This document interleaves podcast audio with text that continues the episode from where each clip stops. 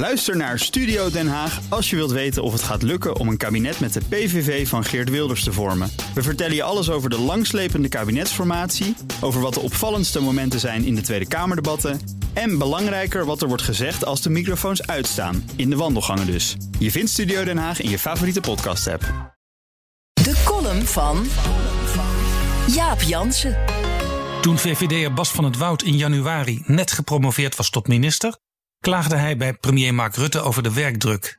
Die reageerde met een blik van: Waar heb je het over? Rutte zei: Toen Emmanuel Macron zo oud was als jij nu, was hij al drie jaar president van Frankrijk. Maandag vertrok van het Woud. Pieter Omtzigt en nog een collega uit de 15-koppige CDA-fractie worden op dit moment vervangen, ook wegens burn-out. En er zijn meer voorbeelden van zwaar overbelaste politici.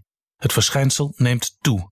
Rutte heeft nergens last van. Hij wil het liefst kleine kabinetten. Zijn eerste ploeg telde slechts twaalf ministers. En hij ging verkiezingen in met een pleidooi voor het verkleinen van de Tweede Kamer van 150 leden naar 100. Fors uitbreiden is logischer. Nederland heeft naar verhouding het kleinste parlement van Europa.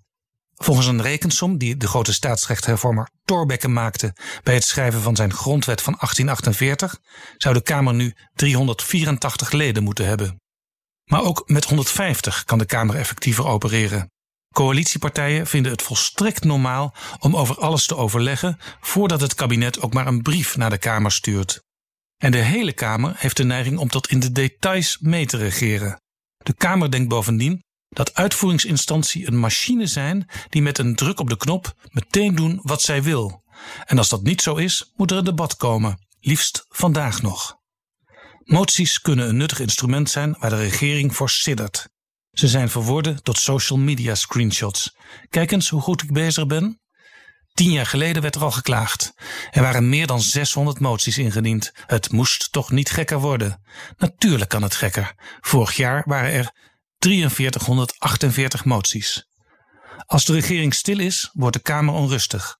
Maar het parlement zou veel meer zelf zijn eigen agenda kunnen bepalen en zo meer greep krijgen op het eigen werk. Door net als in veel andere westerse democratieën het werk van de Kamercommissies te verstevigen. En zoals het Europees Parlement doet, rapporteurs aanwijzen die onderzoek doen naar grote maatschappelijke vragen en daar dan over debatteren. Dit verzin ik niet zelf. Drie jaar geleden stonden deze ideeën al in het rapport van de Staatscommissie Parlementair Stelsel onder leiding van Johan Remkes. Over dat rapport stelde Remkes afgelopen week enigszins meewarig vast dat hij niet de indruk heeft dat veel Kamerleden het echt hebben gelezen.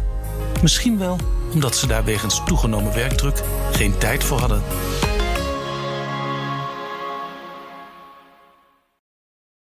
Ook Hugo Reitsma vind je in de BNR-app. Superhandig die BNR-app. Je kunt alle programma's live luisteren, breaking nieuwsmeldingen. Je blijft op de hoogte van het laatste zakelijke nieuws. En je vindt er alle BNR-podcasts, waaronder natuurlijk de belangrijkste, Boeken zijn in de wijk. Download nu de gratis BNR-app en blijf scherp.